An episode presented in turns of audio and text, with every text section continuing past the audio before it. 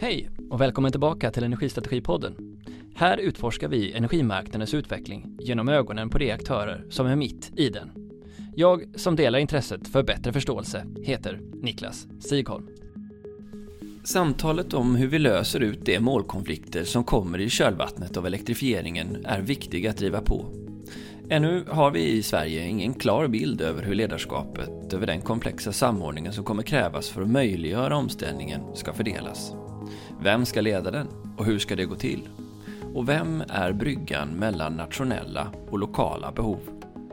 Helene Hellmark Knutsson är landshövding i Västerbotten där dessa frågor, genom Northvolts etablering, blivit uppenbara.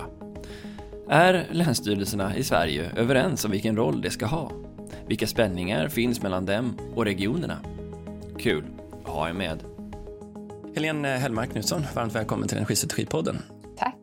Och du är idag, och har varit ett tag nu, eh, landshövding i Västerbotten. Det stämmer bra det. Och vi har ju haft en diskussion med Peter Larsson där vi har pratat om just omställningen i ja, Västerbotten, Norrbotten och hur den ska möjliggöra för att ni ska gå till ytterligare 100 000 medborgare och allt vad det nu innebär. Mm. Hur har det här, den här omställningen och stora investeringarna kommit att påverka ditt jobb än så länge? Jag skulle säga att eh, redan när jag tackade ja till att bli landshövding i Västerbottens län så ja, både i min gamla roll då som forskningsminister hade jag tillbringat ganska mycket tid i Umeå för att de har Sveriges femte största universitet där och även SLU har en viktig fakultet där, den skogliga. Men då var det ju redan klart också att Northvolt skulle etablera sig i Skellefteå. Och eh, det här tyckte jag var så spännande att få vara med på den utvecklingen. Men aldrig, för då var det inte klart med de här stora sakerna i Norrbotten. Och det kan man väl säga att när det blev klart med Hybrid framför allt och ja, eh, sen H2 Green Steel, sen dess har det ju bara gått liksom rakt uppåt och det är ju de frågorna som är allra störst för oss. Och jag jobbar ju nära landshövdingen i Norrbotten också, Lotta Finstorp, för att vi delar ju de här utmaningarna nu. Eh, och från att Norrbotten och Västerbotten framför allt har varit energiproducerande för för södra Sverige så eh, ser man ju nu att all energi som produceras där och lite till kommer behöva användas för den omställning som industrin ska göra, men också för de här nya hållbara samhällena och den samhällsomvandling som vi ska ha. Så att det är ju både industrierna, det är de tunga transporterna, skogsbruket och sen Eh, Eh, så har man ju visioner om att ligga främst ut när det gäller eh, helt elektrifierade samhällen också för att på det sättet bli attraktiva och locka människor från hela världen att komma och vara med i den här och det, är inte bara, det är inte bara en resa ni har varit inne på, om jag förstår saken rätt så har ni en, en, en allt större och ett växande intresse av tillståndsfrågor och prövningar som kommer framåt. Det är vattenkraften, det är rennäringen, det är infrastruktur, det är gruvor, det är underleverantörer, det är batterikedjan. Försvarsmakten ska jag säga har ju kommit in som ett jätteintresse av den tråkiga samhällsutveckling vi har haft, eller säkerhetspolitiska utveckling. Så att Nej, och det ska vi säga, jag satt ju som ett kort tag som vice ordförande i näringsutskottet i eh, riksdagen. Och redan då så var ju liksom länsstyrelserna utpekade som det stora miserabla problemet för just tillståndsprocesserna. Det tog för lång tid, det var för olika över landet och sådär. Och därför tyckte jag också det var lite extra kul att komma till Västerbotten, för där hade vi fått en enormt fantastisk liksom, process just när det gällde Northvolt-etableringen. Den gick ju på rekordtid. Det tog ja, sju, åtta månader så hade de fått sitt miljötillstånd och det för en helt ny typ av fabrik som ingen vet riskerna med. Det är ju liksom den första batterifabriken. Nu kommer det ju fler, men då kommer man ju veta mer, för nu är vi inne i tillsynsdelen av tillståndsprocessen och nu ser man ju lite vad är det för risker, vad är det som händer? Och det är det jag tror är viktigt att förstå nu att förr så gav vi tillstånd till, till redan kända verksamheter, men idag ger vi tillstånd till saker vi faktiskt inte vet vad det är. Eh, vad, är liksom, vad är riskerna? Vad är det för miljöpåverkan vi kan se? Och det gör ju att det behövs ett lärandeprocess hos myndigheterna också för att kunna göra de här bedömningarna. Och då måste vi tänka om och tänka nytt. Och det ska sägas då att Länsstyrelsen, även om någon är ansvarig för själva ansökningsprocessen och förfarandet, så det är inte ni som avgör själva besluten i frågan. Nej, och egentligen så är, är, ju inte vi, alltså det är ju aktören som är ansvarig för själva liksom ansökningsprocessen. Men sen finns det då, vad är myndighetens roll i det här? Vi gör ju då en del eh, efterfrågningar av underlag och en del prövningar gör ju vi, men sen det slutgiltiga beslutet tas ju antingen då av den här helt fristående miljöprövningsdelegationen som jag inte som myndighetschef har ingenting med att göra, eh, även om den ligger vid Länsstyrelsen, utan det är en självständig delegation med en egen ordförande. Eller så oftast då så avgörs det ju i domstol. Men det som är utmaningen det är hur får du en så bra process som möjligt så att du inte får till exempel en återvisning. För det tycker jag är det största misslyckandet. Det är ju om man får en återvisning att nej men det här är inte ens ett fullgott underlag så domstolen kan inte göra någon prövning. Men då har ju alla misslyckats. Både den sökande men också de myndigheter som har varit inblandade i det här. Och det är väl det som vi visade då att det finns ett annat arbetssätt. Eh, och det var ju det arbetssättet då som prövades vid Northvolt-etableringen och som nu också använts vid H2 Green Steel till exempel, men även Renewcell nere i Sundsvall fick också en ganska snabb eh, prövning. Och det är just att jobba med någonting som vi kallar för tidigt samråd eller församråd. Att innan man går ut på det formella samrådet så samlas man runt bordet. Och så tittar man på vad är det för någonting med just den här platsen. Och här skulle jag också vilja säga att kommunen har en jätteviktig roll för deras översiktsplanering. Alltså vad de har bestämt att den, den här marken ska användas till. Den väger faktiskt väldigt tungt i den slutliga prövningen. Eh, även när man prövar då själva planen och detaljplanen och så. Så att att samla alla, få upp på bordet och med det också sätta en process. Att det här kommer krävas, det här kommer krävas och det här kommer krävas. Eh, och där man bygger upp en tillit mellan den sökande aktören och myndigheterna. För det ska också, vi har ett uttryck både i Norrbotten och Västerbotten där vi säger att it takes two to tango. Och det måste man också komma ihåg att, att när aktörerna blir lite så här we are too big to fail, eh, som man säger, då blir de lite nonchalanta och ifrågasättande mot myndigheten och säger varför ska ni ha det där? Och så ägnar man enormt mycket tid åt att ifrågasätta vilka underlag som krävs trots att vi ofta har ganska god koll på att det här kommer domstolen fråga efter. Eh, och så väntar man på att allt ska ha sin gång och så går man upp till regeringen och säger det här får regeringen fatta beslut om. Och där kan det ju verkligen hamna i långbänk vill jag säga, som har suttit där. Det kan dröja många år innan de tar tag i en fråga. Men, men hur som helst, då bygger man upp den här tilliten och det har vi märkt att den här nystartsindustrin som vi kallar det för, den har varit mycket mer på tårna att att just leverera underlag. Och det märktes med Northvolt att de sa ja, absolut, vad är det för underlag ni behöver? Och de levererade snabbt och bra och tog gärna till lite extra liksom för att vara på den säkra sidan. Och det är för att de sitter med riskkapital. De har liksom inte råd med långa processer utan, och de måste lita på att det vi myndigheter och domstolen efterfrågar är vad som krävs. Och där märker man en stor skillnad med säga, gammelindustrin som kan sitta och just ägna sig åt processfrågor i all oändlighet och ifrågasätta Länsstyrelsen och ifrågasätta domstolen och ifrågasätta.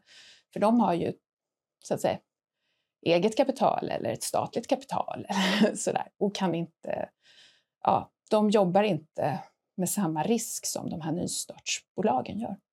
Ja, när det gäller de här stora investeringarna så är det ju många intressenter som kommer till. Jag menar, förutom kommunen så är det ju också intresseorganisationer kan jag tänka mig. Det kan vara sameföreningar, det kan vara nationella myndigheter som också är involverade i det här. Vilket gör att den här eh, soppan som ska kokas har ganska många kockar. Väldigt många kockar. Vilken roll har Länsstyrelsen som du ser det i att samla hela den, vad ska man kalla den för, det gyttret av intressenter kring en sån här stor investering? Men vi har ju tolkat att vi har ett sådant uppdrag. Eh, och det är ju utifrån dels främjandeuppdraget som vi har. Vi ska främja länets utveckling och det, det är ju ett viktigt uppdrag som finns hos Länsstyrelsens instruktion. Dessutom så ska vi som alla statliga myndigheter jobba efter förvaltningslagen och den statliga värdegrunden och i det ingår att vi ska ge service. Vi pratar väldigt mycket om legalitetsprincipen och eh, oberoendeprincipen och de är viktiga, men vi har också andra principer. Men där finns också demokratiprincipen, att människor ska få göra sig hörda när, när det gäller saker som eh, handlar om dem och att vi hela tiden ska främja tillit och förtroende till staten. Och det är därför vi ser, och framförallt vår miljöchef Magnus Langendoen som har varit lite av pionjär i det här arbetet, att, att vi är ju den enda statliga myndigheten som har det geografiska områdesansvaret men också det tvärsektoriella ansvaret och att vi ska ju liksom väga det lokala, regionala mot det statliga. Och därför när många frågar så här, ja men vi måste göra avvägningar. Jo, men det uppdraget har vi. och det är därför jag tror att Länsstyrelsen är Eh, lösningen på problemet och inte en del av problemet. Men däremot så är det riktigt, och det har vi ju märkt i det här regeringsuppdraget som vi fick då för att titta på den här tidiga samrådsprocessen och det är att de 21 länsstyrelserna ser extremt olika på om man har det här uppdraget eller inte. Precis, då kommer du in på din problematisering. För Jag stod i mm. Almedalen förra året med en annan representant från en länsstyrelse, en av de 21 länsstyrelserna, som, som eh, då också kom med argumentet att vi kan inte både rådge och avgöra. Vi måste välja roll så att vi inte blir jäviga i processen vad den uttryck, och här verkar ju du argumentera för att det i sig inte är problemet. För ni, det ni vill undvika är att ni vill inte att det ska handla om processens utformning som mm. gör att det drar ut på tiden eller vilka avgränsningar själva eh, liksom, ansökan ska ha, utan innehållet i den, om jag förstår det rätt. Exakt. Och dessutom tycker jag det där är en konstig tanke. Eh, för i sådana fall så skulle inte Skatteverket kunna ge något råd till mig som privatperson eller min mans företag om hur eh, det här... Utan de vet, alltså det är därför Skatteverket har byggt upp ett sånt högt förtroende och tillit. Det är just därför att de berättar exakt det här kommer krävas av dig. Sen gör de ändå beslutet. De ägnar sig åt ganska skarp myndighetsutövning när de fattar beslut om våra skatter. Det låter ju som, som en viktig sak att Länsstyrelsen är överens om hur man ska tolka det här. Väldigt överens och det har ju vi också nu lämnat in i de här delrapporterna och sagt att det här behöver ingen lagändring utan det här kan man till exempel tydliggöra i Länsstyrelsens instruktion att, att det här som förväntas av er att i samband med de här processerna så ska vi facilitera att det blir en så bra process som möjligt. Och det har ingenting att göra med om man får ja eller nej i slutändan, utan just att det inte ska återvisas som en formalia. Sen är det ju som sagt aktören som ytterst är ansvarig. Om de säger så här, nej men vi kommer inte lämna in det där underlaget trots att vi har föreslagit.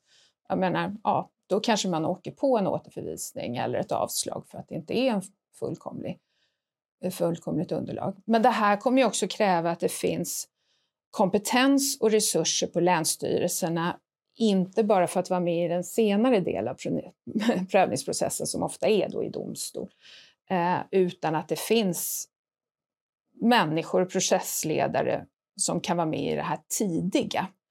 Och här finns det en liten utmaning med att vi förlorade det regionala tillväxtuppdraget.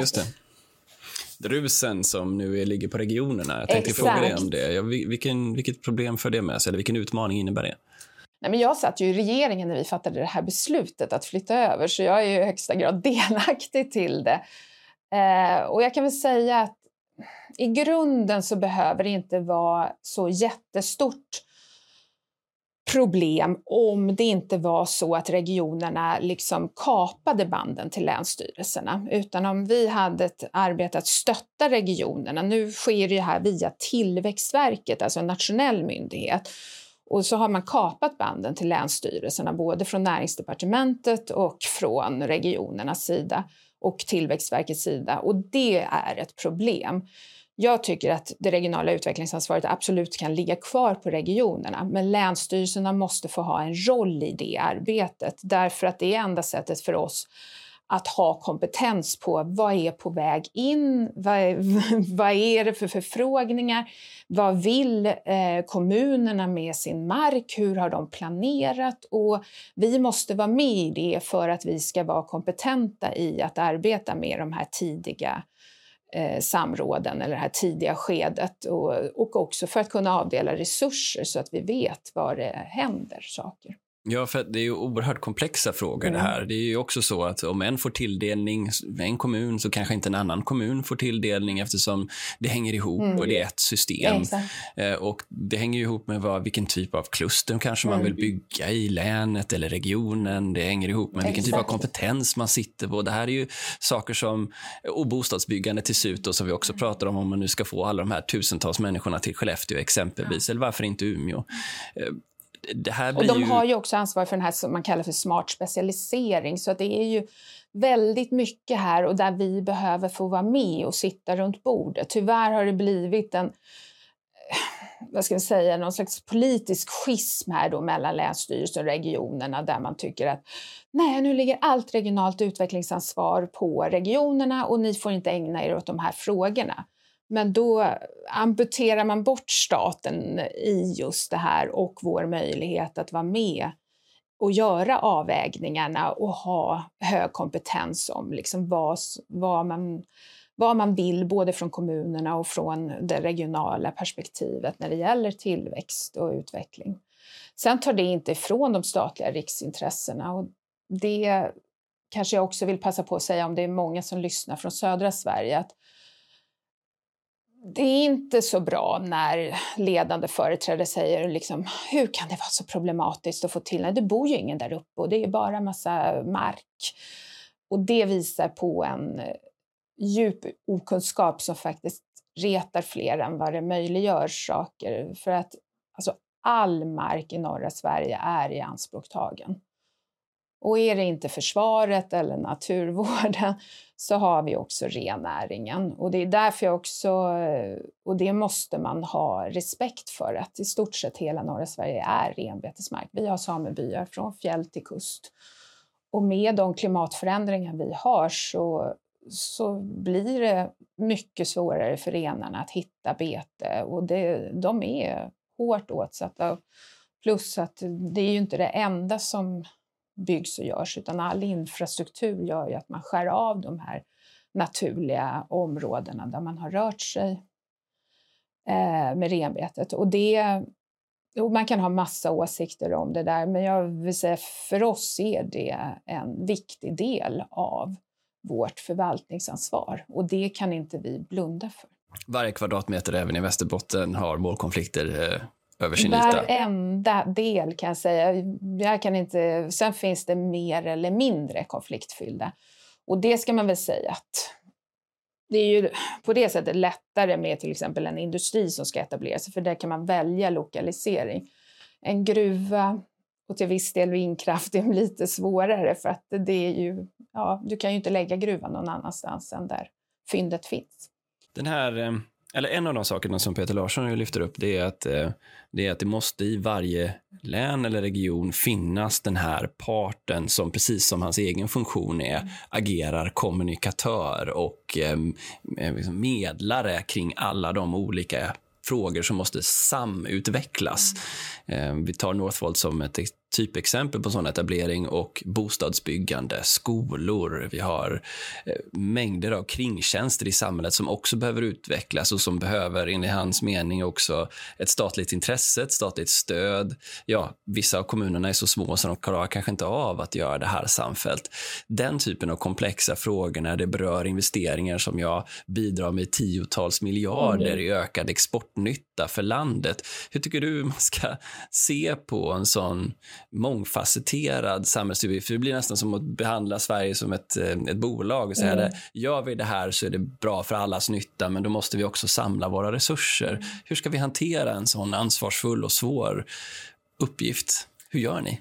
Nej, men jag tycker att i det läget som Sverige befinner sig nu, så, och framförallt norra Sverige, så har det varit helt rätt att ha då en nationell samordnare som har kunnat liksom vara eh, ja, överallt och pratat med alla och liksom identifierat de här utmaningarna. Men det är inte svaret på det långsiktiga, utan det långsiktiga är att använda de myndigheter man har och då är ju länsstyrelserna de viktigaste myndigheterna tycker jag här. Nu, man har ju en tendens från regeringen, och det är oavsett regering, att väldigt mycket jobba via sina nationella myndigheter. Man ger dem massa uppdrag. Men sen så glömmer man bort att man har den här områdesansvariga geografiska myndigheten som just har det tvärsektoriella perspektivet och redan i sina instruktioner har ett främjandeuppdrag för utveckling men dessutom uppdraget att samordna de statliga intressena. Och därför så är ju det naturliga nu då, det är ju att efter att Peter Larsson har lämnat sin slutrapport så bör man ju ge då till länsstyrelserna att nu ska det här eh, lösas och förverkligas och det ska göras ihop med de nationella myndigheterna och kommunerna och regionerna. Och då behöver man igen då, för många av oss har ju avvecklat våra tillväxtenheter eftersom vi förlorade de här pengarna. Eh, men då behöver man se till att det finns resurser så att vi har människor som kan jobba med det här eh, samordningsuppdraget, främjandeuppdraget och att lösa ut de här knutarna. Och det, det måste liksom man se och att det kommer tillbaka och sen måste man tydliggöra till regionerna att de har ett samarbetsansvar med oss, att de kan inte liksom klippa bandet till Länsstyrelsen och tro att de sköter det här själva. Eller som jag fick höra från någon region, att de trodde att de kunde liksom använda sina pengar och betala handläggare hos Länsstyrelsen för att snabba på tillståndsprocesserna. Och då har det ju snurrat liksom ett varv för långt. Eh, men ja, det, för så går det inte till. Myndigheter kan inte ta uppdrag från vare sig kommuner eller regioner. Vi kan bara ta uppdrag från regeringskansliet. Så det är någon form ändå av eh, intervention här som behövs från från regering och riksdag i att bestämma hur... Det behövs en tydlighet i uppdragen och det här att och att de nationella myndigheterna måste samarbeta med Länsstyrelsen. Och som sagt, det är lätt som myndighetschef, som jag också är vid sidan av landshövding, att säga att vi alltid behöver mer resurser. Men om, om det inte finns mer resurser på totalen så behöver det omlokaliseras resurser så att vi klarar vårt eh, tillväxtuppdrag och samordningsuppdrag eh, även om vi då inte har de här alltså, så kallade 1-1-medlen som var tillväxtpengarna som vi hade förut. Ser du i faggorna någon sån, sån typ av utredning? Har, dig veteligen, är det någon sån liknande översyn på gång av hur det här organiseras i Sverige? Nej, det finns ju nu en utredning som jobbar med just hur staten eh, ska interagera med kommuner och regioner, alltså hur styrningen ska gå till här emellan. Och det är ju väldigt intressant. Den bottnar väl väldigt mycket i pandemiproblematiken när staten var tvungen att sitta och förhandla med SKR för att få igång masstestning och eh, massvaccinering och så. Eh, vilket är ganska orimlig eh, sätt att styra ett land på. Eh, det är ju, eh, och där, så det, den bottnade väl i det, men jag tror att det finns ju möjlighet att använda den utredningen för även sådana här saker eftersom det handlar om samordning.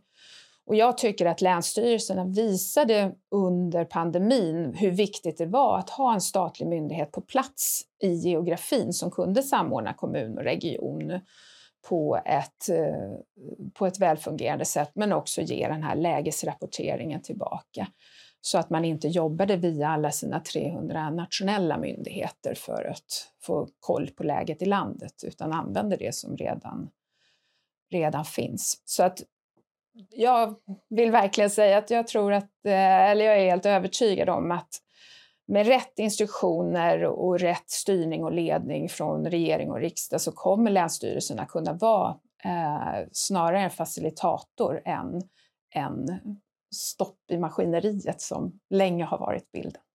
Avslutningsvis kopplat till den här om att ni alltså behåller mer av elen själva utan att transportera den söderut och förä öka förädlingsvärdet där genom att producera någonting av den här elen.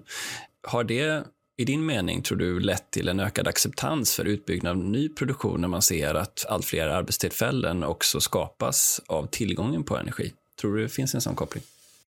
Nej, jag tror att den är lite mer komplex. Man ska ju komma ihåg att Västerbottens län har idag Sveriges lägsta arbetslöshet eh, och Skellefteå näst lägst av alla kommuner. Vårt problem är inte att vi saknar jobb där uppe. Vårt problem är att vi saknar människor och arbetskraft. Och det tror jag är också en sån här bild som man måste skifta. Eh, inte bara från södra Sverige utan även i norra Sverige. För man är så van som kommunalråd i norra Sverige att säga att men titta det här skapar jobb. Därför att Förr var problemet att det saknades jobb. Idag är inte det problemet, utan idag är problemet att det saknas människor. Och det, det behöver man, och då behöver man tänka till här att när vi utvecklar de här samhällena för att också få människor att flytta dit så behöver de utvecklas på ett sätt så att de byggs som attraktiva miljöer där människor verkligen vill bo, leva, verka, men där vi också får en diversifierad arbetsmarknad, det vill säga ja, jättebra med industrijobb, men vi behöver lika mycket investeringar i forskning och utveckling och skapa en stark tjänstesektor så att konsultbolagen även finns i norra Sverige eh, framöver så att vi får liksom kunskapsekonomi. För det är det som kommer göra att samhällena växer. Industrijobben, brukar jag säga, de men det, det ligger i industrins DNA att de måste rationaliseras hela tiden för att klara den globala konkurrenskraften. Så de, de är viktiga som bas och därför att du har naturresurserna där uppe. Men det är utvecklingen av kunskapssektorn och tjänstesektorn som är absolut viktigast nu. Och sen att du kan bygga attraktiva, eh, attraktiva samhällen med större arbetsmarknadsregioner. Det är därför det till exempel Norrbotniabanan mellan Umeå, Skellefteå och Luleå är så otroligt avgörande nu.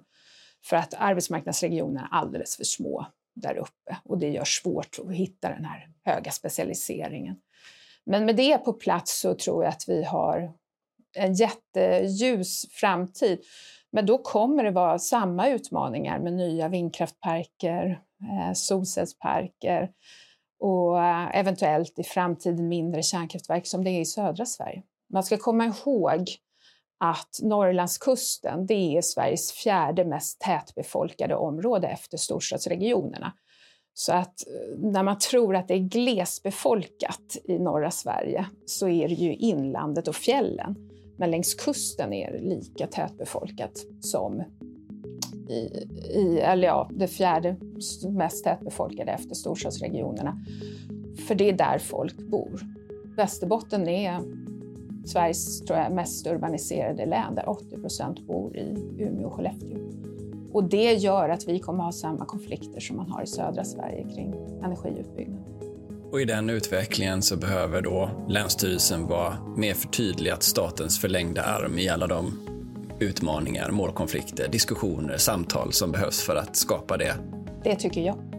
Tack så hemskt mycket för att du tog dig tid att komma till Energistrategipodden. Tack.